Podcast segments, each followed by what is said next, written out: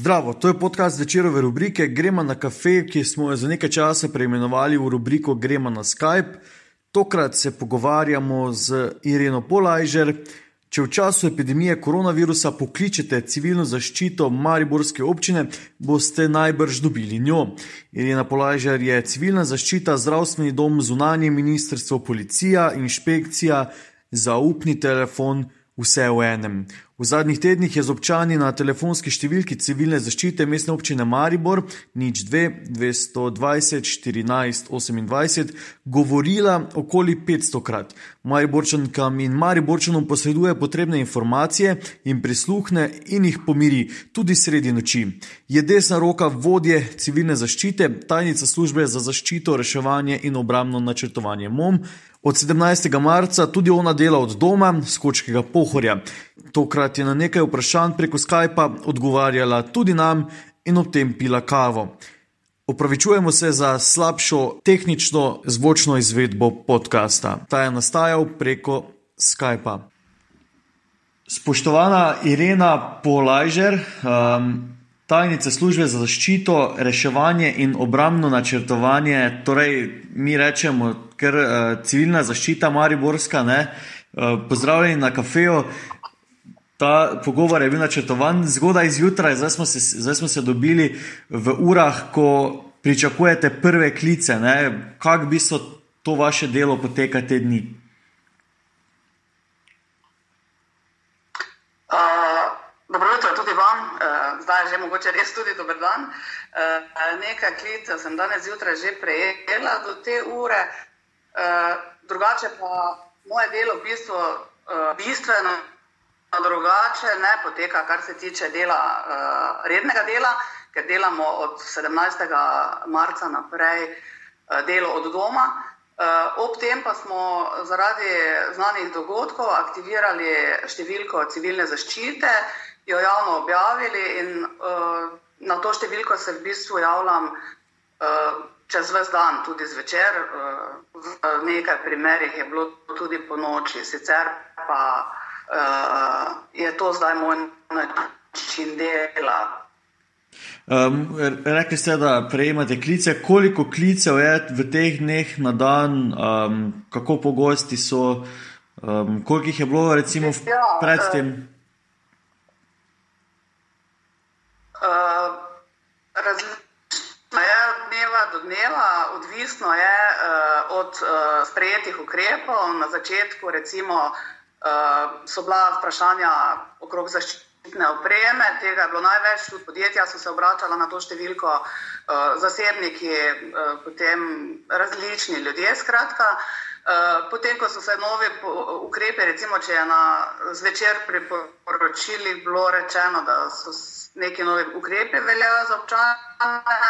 Je potem drugo, da pač so neke specifike, ki iz teh ukrepov izhajajo in ljudem ni bilo dovolj jasno in so rabili kako dodatno razlago. Uh, odvisno je tudi od vremena, na koncu konca, če je lepo vreme, grejo ljudje tudi malo ven, ne, se rekreirajo, če je slabše vreme, bolj hladno, so doma, imajo več časa, mogoče več premišljujejo o tem, tudi pokličejo.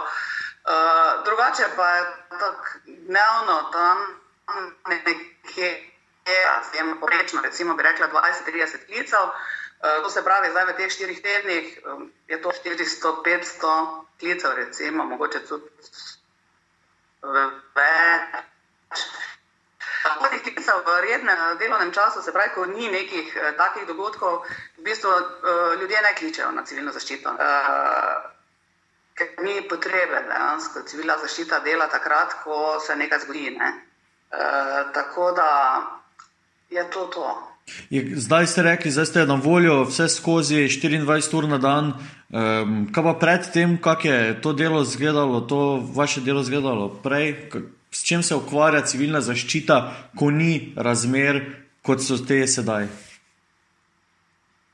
Uh, no, kot sem rekla, takrat, ko ni civilna zaščita, takrat je služba za zaščito, reševanje in obramno načrtovanje. To je služba uh, znotraj mestne občine Maribor. Uh, in naša služba se ukvarja z načrtovanjem uh, za primere naravnih nesreč. Ne? Tako da takrat uh, delamo to, se izobražujemo, hodimo na razne seminarje, v bistvu se igramo, ne, da tako rečem, na vednicah, za primerne sreče. Zdaj, ko so mi predlagali vas za, za ta pogovor. Tako da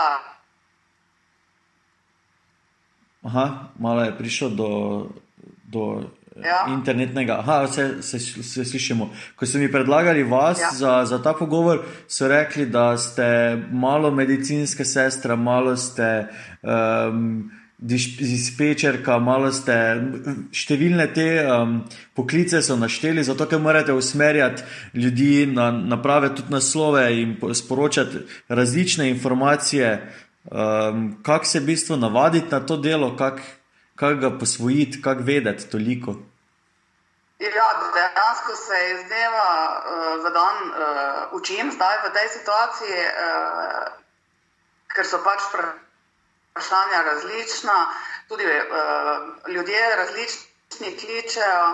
Uh, večinoma moram povdariti, da kličejo ljudje na to številko, ki je uh, rizična skupina, bi rekla, ne, starejši ljudje.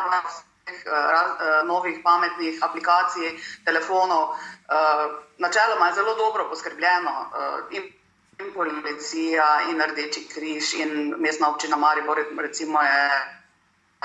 Smo vedno tam izdelala COVID-19, Maribor, tam je ogromno informacij, uh, ampak starejša populacija se tega ne poslužuje. Ne? Tako da uh, mladi in srednji, srednja generacija uh, lahko na spletu v bistvu zvejo vse. Uh, zdaj je že toliko raznih telefonskih številk objavljenih, da se uh, mlajši ljudje znajdejo. Uh, tako da jaz največ komuniciram z ljudmi, uh, upokojenimi, uh, starejšimi, ki so mogoče tudi sami, uh, nimajo nekih uh, svojih uh, otrok ali, ali kogarkoli, sorodnikov, nekih, ki bi za njih poskrbel. Uh, tako da največ je teh. Uh, Uh, ljudje v glavnem sprašujejo, uh, kako lahko naročijo recept recimo, za zdravila, zato ker je zdravstveni dom objavil eno telefonsko številko, ki je sicer super. Uh, odzivnik, ne? Uh, potrebujete recept, pritisnite ena, če potrebujete ne vem kaj, pritisnite dve. Ampak ljudje se zmedejo, to, to ne znajo. Potem je objavljen tudi elektronski naslov, preko katerega lahko naročiš recept. To odlično deluje za vse nas, ki to vladamo. Starejši ljudje, ki pa nimajo računalnika, interneta, seveda tega ne morejo uporabiti. Tako da imam veliko primerov, ko potem vzamem podatke od ljudi in sama naročim v ambulante ta zdravila ne? in potem dobim povratno informacijo, kdaj bodo zdravila v lekarni, potem vrnem občanu klic, mu povem. Uh, ljudje so neizmerno hvaležni za take male pomoči. Uh, recimo, kličejo tudi za uh, naročilo toplega obroka, pa ne mislim zdaj tiste socialno ogrožene, ampak tiste, ki enostavno so toliko stari, da ne hodijo v trgovine, ne morejo nabavljati toliko prehrambenih artiklov in tega niti ne nositi, recimo, kaj zvem. Uh, Se skratka bojijo, ker v osnovi nimajo tudi ne dovolj zaščitne opreme, ker mask ne moreš trenutno nikjer kupiti. Uh, no, in so primeri, ko potem dam ljudem kontakt, recimo od nekih trgovin, ki dostavljajo, uh, da lahko pokličejo občanje na te številke in jim potem uh, te trgovine do, dostavijo to domov, ker preko spleta spet oni ne znajo ne, naročati.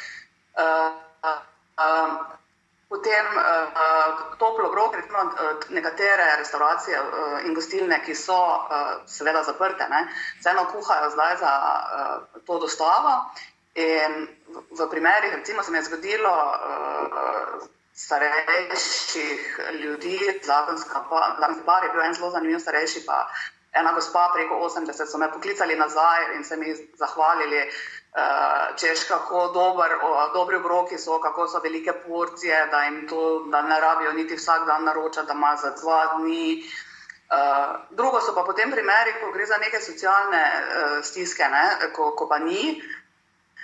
Uh, možno, da sami poravnajo uh, ta obrok, tiste pa usmerim seveda na uh, objavljeno številko. Rdečega križa in Karitasa. In oni imajo mrežo prostovoljcev, ki je skupaj z sodelavci iz občine zelo dobro organizirana. Bil je, mislim, da tudi pred tednom ali dvema so vsi občani Maribora dobili letak v poštne nabiralnike, na katerem je kar nekaj kontaktov, kam se lahko obrnejo. Uh, tako da uh, zdaj, ko je vedno več teh kontaktov, je mogoče tudi malo manj klicev na številko civilne zaščite.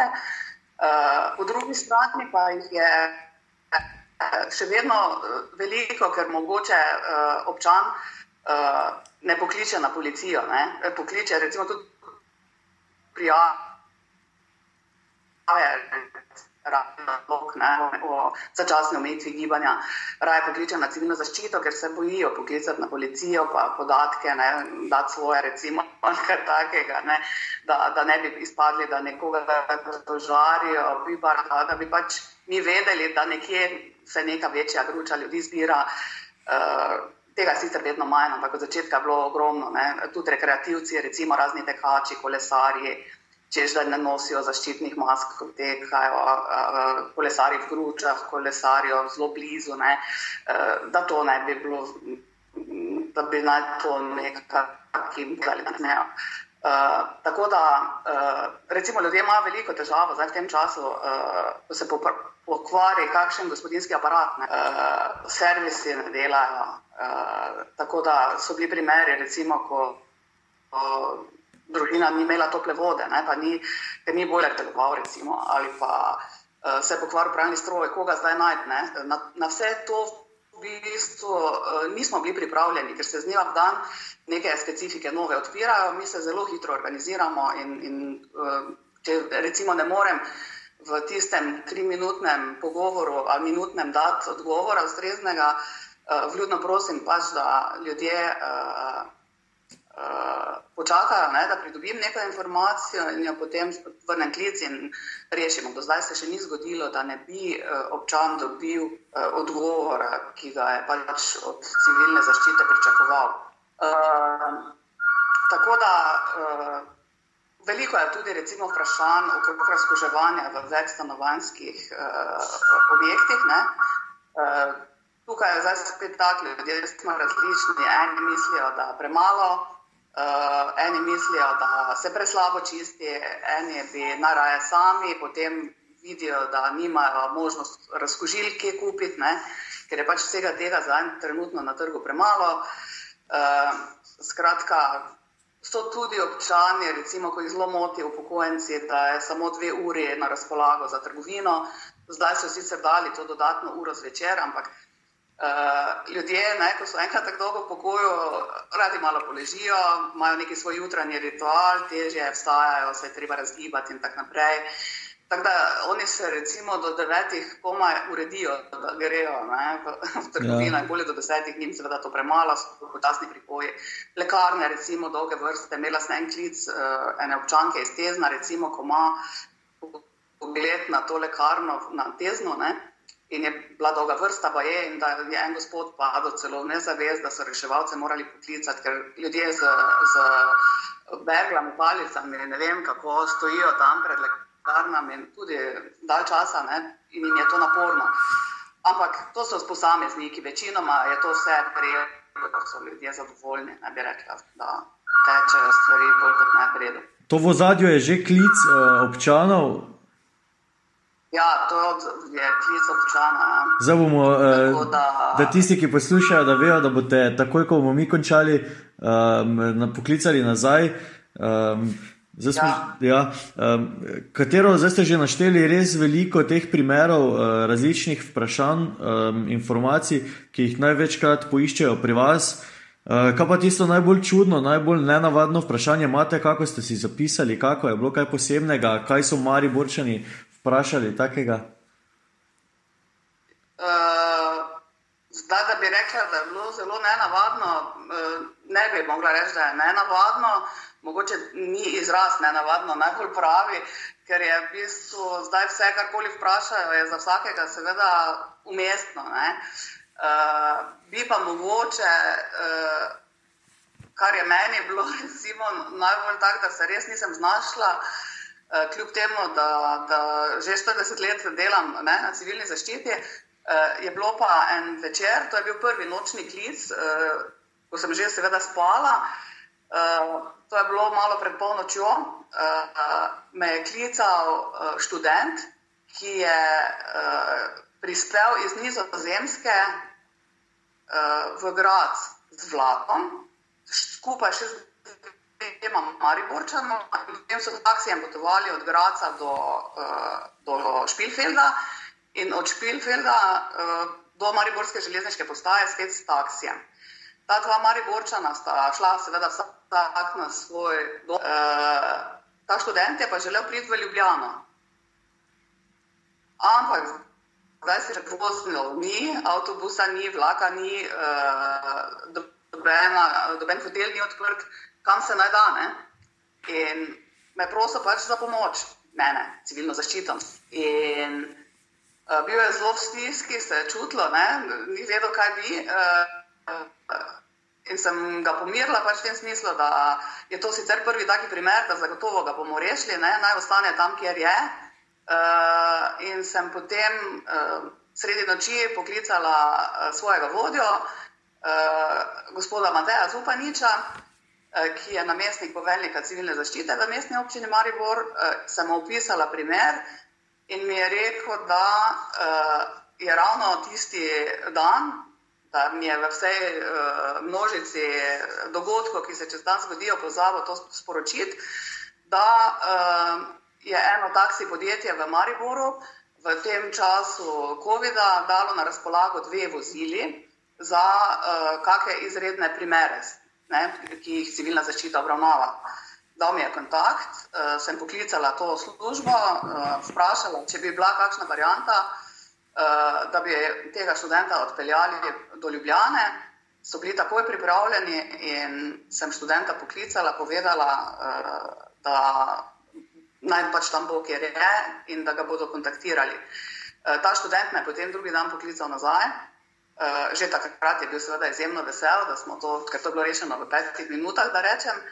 Uh, je bil zelo vesel ne? in drugi dan me je poklical, sem še enkrat iskreno zahvalila in rekel, da bo, jaz mu seveda dala priporočila, da mora biti v karanteni zdaj dva tedna, ker pot je bila dolga, ne? Uh, družil se je z različnimi ljudmi med potjo, ampak je rekel, da če se bo pokazalo, da je zdrav, da bo se prijavil za prostovoljca v Ljubljani. Super. Uh, Lepa eh, zgodba. Moram pa reči, da nima v Ljubljani eh, sorodnikov in ni imel nikogar, da bi prišel po njega. Ne? Uh, on bi tam živel pač kot podnajemnik v nekem uh, stanovanju, ne? zato je bil problem, uh, kako priti tja. Teda to bi mogoče bilo uh, najbolj nenavadno, najbolj pogosto. Uh, vprašanje je pa zagotovo zaščitne maske. To pa je tema, to je zdaj trenutno najbolj vroča roba. Uh, Eh, ljudje vsak dan poslušajo, ne, da, da je potrebno imeti masko, ko greš v trgovino, ko greš v lekarno, pošto, banko. Uh, Starejši ljudje, gre za psihološki efekt. Uh, oni slišijo tudi to, da velja ruta in šal. Ne. Ampak uh, psihološki efekt je pa pri ljudeh starih uh, zagotovo. Uh, Da je treba imeti masko. Ne? In zdaj ne moreš še kupiti v lekarni, Eh, nekaj, skratka, tem smo tudi razna, eh, razne prispevke, da pač sosednja manjše, Miklaus, starše, da, da, ne naštevam zelo preveč, da tam pač župani poskrbijo, ne, da imajo čani, ali poštni predal te medicinske navadne. In da zakaj pač v Mariboru tega ne moremo narediti? Seveda, da tega v Mariboru ne moremo narediti na tak način. Eh, vsi vemo, da je Maribor 110 tisoč prebivalcev, Miklaus pa ne vem, mogoče 7 tisoč, da imamo v Mariboru inštitucije razno razne, kot je UKC, zdravstveni dom, dom uh, potem uh, center za noč na domu, skratka domovi za starostnike, ne? vsega tega manjše občine nimajo. Ne?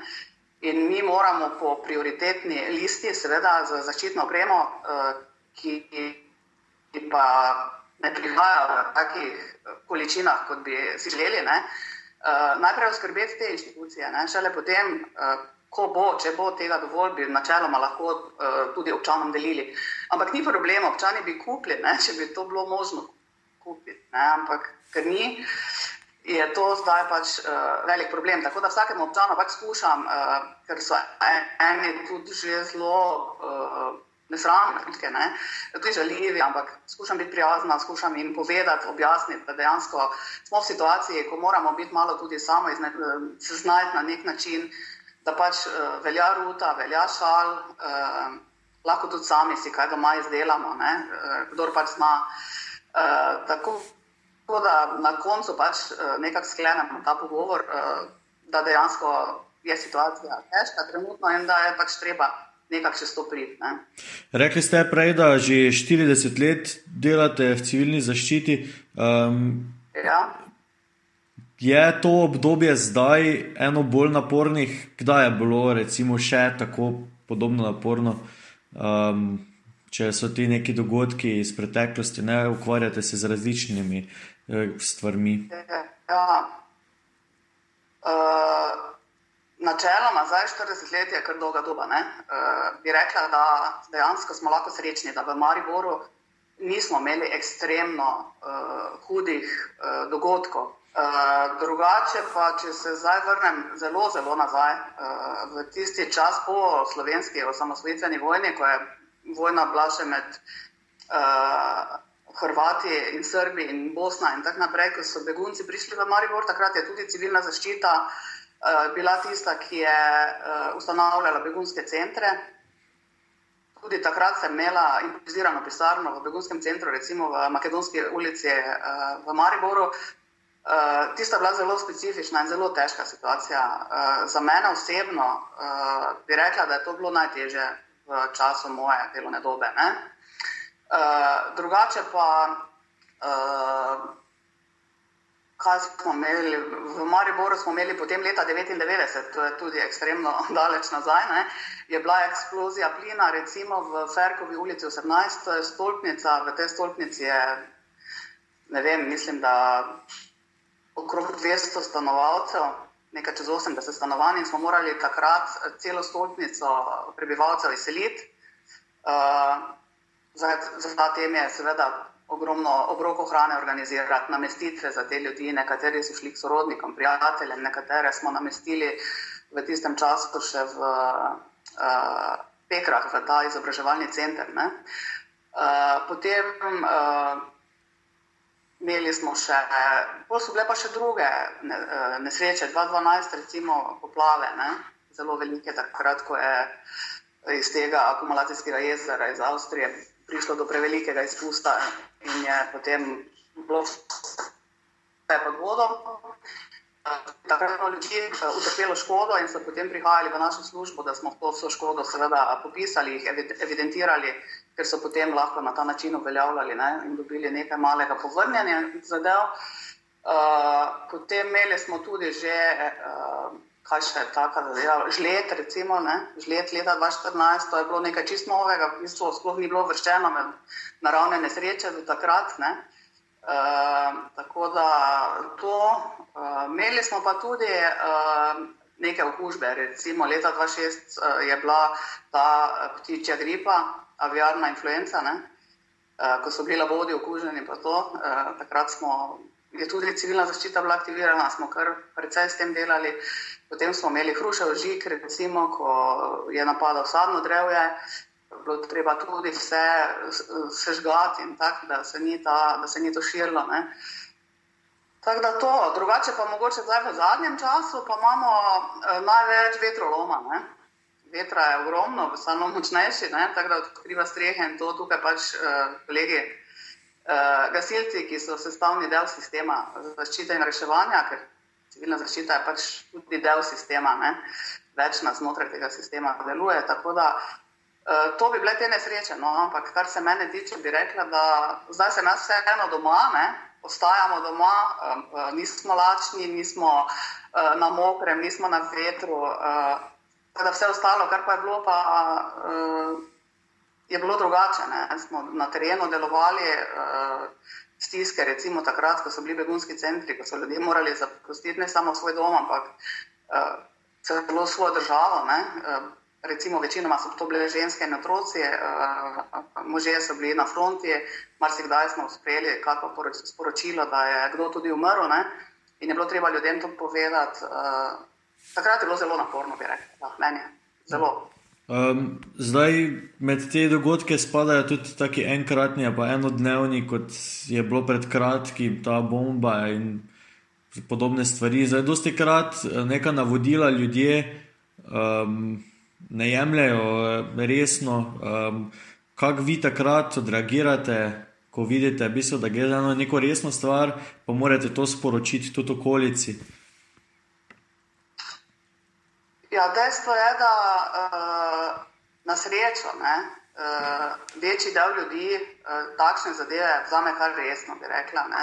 So pa posamezniki, seveda, tako kot tudi sicer, ko ni nesrečne, ko izstopajo, ko, ko pač uh, nočejo sprejeti nekih drugih pravil, ne, ker pač je cona obdobja, cona obdobja. Uh, tako da mi se takrat pač organiziramo, poskušamo razložiti se s tistimi posamezniki, pogovoriti. Recimo, zdaj, ko je bila bomba, je, jaz sicer nisem sodelovala takrat, ker sem uh, bila odsotna. Uh, je pa, koliko so mi kolegi pripovedovali, ko je bilo treba ljudi uh, iz domov izseliti, predtem, preden so deaktivirali te bombe. Uh, Uh, nekateri niso želeli zapustiti ne, uh, svojih domov, bi kar ostali, se to ne bo nič, ne, pa se to je brez veze. Ampak uh, potem, ko so jim potrkali uh, gasilci na vrata v uniformi, ne, to vse ima ena druga uh, situacija, gasilce spoštujejo občani. Ne, in potem je šlo, ni bilo nobenih težav, da ne bi uh, izpeljali stvari tako, kot je potrebno in pričakovano. Ne. Um, zdaj, eno vprašanje, ki, ki je v bistvu bolj formalno, um, če, če bi vključili, se bomo videli, če bo šlo v tisk ali ne. Kaj v bistvu je sestavljena civilna zaščita, kdo jo sestavlja, um, kako v bistvu ta sistem deluje, kdo je nad njo, kdo je pod njo, kdo, kdo vse sodeluje v tem sistemu.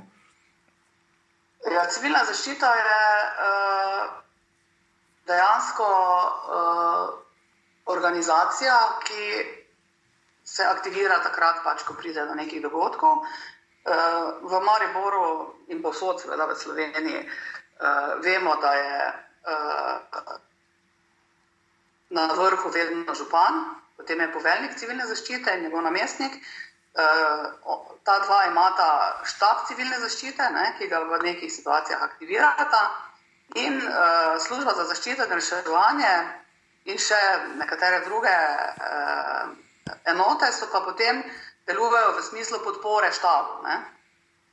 Tako da uh, zdaj, če gremo na to situacijo, kot je zdaj, uh, zdaj uh, sodelujemo recimo z uh, obema organizacijama, humanitarnima v Mariboru, z Rdečim križem, z Naško Fisko Caritas, s Centrom za pomoč na domu, s Centrom za socialno delo.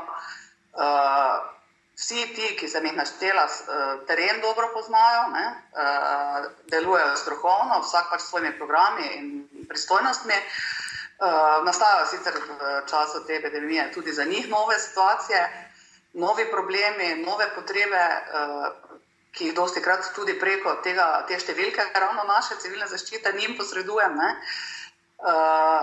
Poskušamo se vedno odzvati učinkovito, napotimo jih na pravi naslov. Vključili smo pa tudi neke nove, nove programe, ne? predvsem uh, veliko imamo uh, prostovoljcev, ki so zdaj mogoče v, v tem zadnjem času manj, ampak Rdeči križ ima že tako v svoji mreži ne? prostovoljce. Uh, zdaj so se dodatno še nekateri posamezniki uh, javili in ponudili pomoč. Tako da uh, delujemo pač preko eh, njih, oni delajo z najbolj ranljivimi skupinami, tako da tudi ni enostavno. Eh, ne moreš vsakega prostovoljca za vsako stvar uporabiti, ne? morajo to biti vseeno ljudje, ki jim lahko zaupamo. Eh, recimo, zanimivo je bilo tudi, da je vodstvo občine, ker je no, večina naših sodelavcev je zdaj doma na čakanju, ne? en del nas dela pač od doma. Uh, vodstvo je tudi pozvalo uh, te zaposlene, ne, če bi mogoče kdo želel se vključiti tudi v, v civilno zaščito v tem trenutku, uh, tako da bi imeli uh, še več obveznikov ne, civilne zaščite. Zdaj, če spet greva malo nazaj, v tistih mojih začetkih, ko sem začela delati, je bilo prostovoljstvo bistveno bolj uh, razširjeno in aktualno. Ljudem je bilo dovolj, da so imeli uniformo civilne zaščite in so bili pripravljeni delati. Nihče ni vprašal, koliko dobim za to. Ne. Eh, danes, ne, ko je bolj prisoten ta čas kapitalizma in denarja, Danes bi pa ljudje že imeli nekaj, ne? tako da težko dobiš eh, prostovoljca, bistveno težje kot takrat. Ne? Drugače pa imamo mi, recimo, vključene, um, vključene v civilno zaščito tudi uh, razna društva, ne? uh, recimo enote, no? Gorsko reševalno službo, imamo uh, društvo za reševalne pse. Eh, potem imamo društvo radioamaterjev, v primeru, da bi nam recimo te zveze zatajile, ne, da lahko komuniciramo. Imamo ekipe prve pomoči, potem imamo sile za tehnično reševanje, to so predvsem javna podjetja, ki jih lahko v danem trenutku aktiviramo, Nigrad, Snaga, Mariborski vodovod, Plinarna, uh, tudi uh, v primeru potrebe. Uh, tako da uh, Kot sem rekla, civilne, civilna zaščita je, uh, Maribor je del sistema zaščite in reševanja in nastopi takrat, ko nalog zaščite in reševanja ni mogoče upraviti uh, s poklicnimi ali nekimi tak, v mirno dobnem času, da tako rečem, službami. Ne? Takrat potem aktiviramo vsa ta društva, vse te, vse te uh, pripadnike civilne zaščite, ki imamo na voljo. Uh, in delujemo takrat pač po načrtih, odvisno ka, za kakšno vrsto nesreče uh, pač gre. Uh, in v krizni situaciji, kot je ta, se služba za zaščito, reševanje in obrambno načrtovanje, v kateri nas je šest zaposlenih, uh, se spremeni v nekakšno službo pardon, za podporo štabu civilne zaščite. Naša služba, to bi rada povedala, je zelo pomlajena. Uh, od šestih uh, so štirje sodelavci, uh, ki bi lahko bili moji otroci. Ne?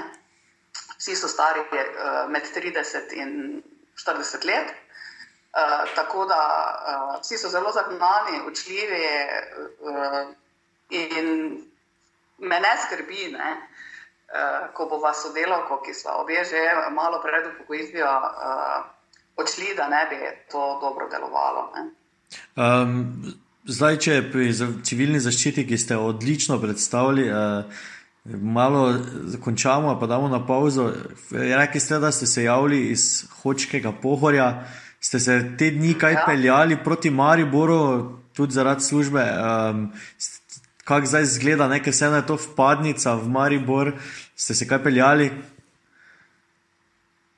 Ja, eh, na začetku sem prve dni, uh, ker je bilo treba še nekaj stvari pač tudi v službi urediti. Uh, dejansko je, jaz sem jutranji tip, vedno sem ob sedmih na delovnem mestu in to pomeni, da gremo od doma nekje uh, okrog pol sedmih, mogoče kako minuto čez. Uh, Ne moram reči, da je velika gneča takrat, ne? če grem malo kasneje, tik pred sedmo, se že zelo dolgo vozim do uh, našega sedeža, naše službe, ki je na cesti proletarskih brigad, tukaj pa je uh, brigada uh, poklicnih gasilcev. Uh, zdaj, ne? zdaj pa je poezija, zdaj pa misliš, da ni res, uh, par avtomobilov, uh, tako da te je lahko tudi strah, ne? če si zgoden, uh, nikjer nikogar, ne pravzaprav. Uh, uh, je drugače, predvsej drugače, seveda se zdaj vozi. Kaj pa tam eh, na poti na, na Areh ali pa tam se, se zdaj kaj kolesari, je kaj povečano število um, ljudi v naravi? Uh, to vam vem. To vam težko povem, ker v bistvu ne zapuščam delovnega mesta. Ja, seveda, seveda. Jaz živim v hiši privatni skupaj z možem. Uh, mož je v teh, tudi za njega so zdaj izredne razmere, ker zdaj on kuha, ne? ker jaz enostavno tak dan ne uspem, če je, fre, če je frekvenca klipa večja, potem uh, to on naredi. Uh, Mama tudi vrt, tudi tam zdaj on uh, večji del dela. Tako da jaz uh, največ je, da grem na teraso čez dan, uh, kjer lahko še normalno uh, telefoniram, delam na računalniku, da imam dober sprejem, ker to je vseeno. uh, potrebno zagotoviti, ne, da, da na prve mesto zdaj služba, vsekakor. Uh, tako da vem pa, mi je pa mož povedal, ja, da kolesarji uh, grejo, seveda se rekreirati na pohorje, ampak to uh, verjamem, da grejo uh, zdaj občani hoč na pohorje, ne, ker sem imela recimo tudi eno vprašanje. Ko me je klicala uh, ena mlada družina, da živijo v Mariboru, bi pa radi šli uh, na Areh. Ne? In ali lahko zdaj iz Mariborske občine grejo oni z avtomobilom, uh, čez hoče in na are. Zdaj je bil odgovor ne, ne? zato ker se lahko rekreirajo v svoji občini, ne? ki ima dovolj zelenih površin in vsega. Tako da to je zdaj ta realnost. Ne? Okay. E, rekli ste, da je služba na prvem mestu in ker pomagate um, mnogim, je prav, da vas zdaj že po več kot pol ure pogovora. Uh, pustimo nazaj v službo, ker smo vam res vzeli eh, kar nekaj časa. Hvala vam, da upravljate eh, to delo, ki ga upravljate odlično, kot ste nam povedali. Hvala, da ste si vzeli čas za nas. Z veseljem, tudi sama rada uh, prebiram vaš časopis in mi je všeč. Super. To je bil podcast večerove rubrike Gremo na kafe, ki smo jo za nekaj časa preimenovali v Gremo na Skype. Gostja je bila Irena Polajžer. Jaz sem jih Dajčman pod tem imenom, me najdete na Instagramu, Twitterju in Facebooku. Do zanimivih večerovih vsebin dostopate s klikom na vecer.com. Vabljeni k poslušanju ostalih večerovih podkastov na SoundCloudu in vseh aplikacijah, ki distribuirajo podkaste. Vabljeni. A ja, e, in ostanite doma.